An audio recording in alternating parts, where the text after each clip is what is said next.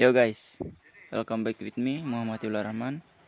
Then this is the second reflection of the healthy and lifestyle. In this reflection, there's two point. The first one is happiness for healthy, then mental balance.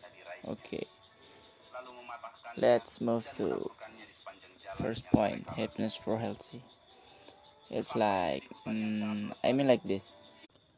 If we feel happiness so our mentally is feel better.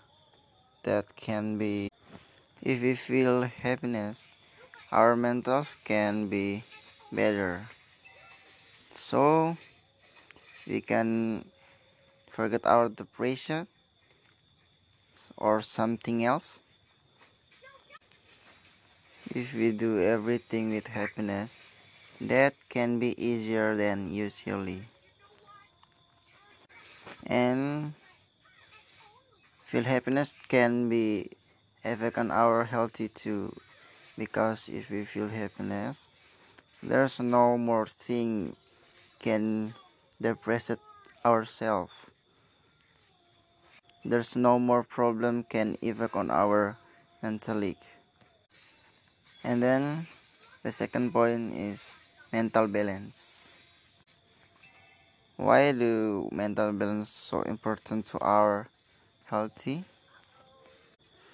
Because mental is one of many important things for ourselves if our mental is in balance that can be effect on our healthy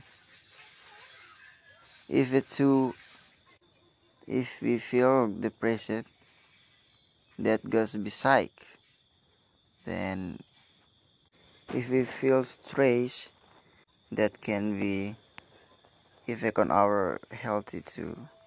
So stay happiness and keep your mental balance. That's enough for me. See you on the next content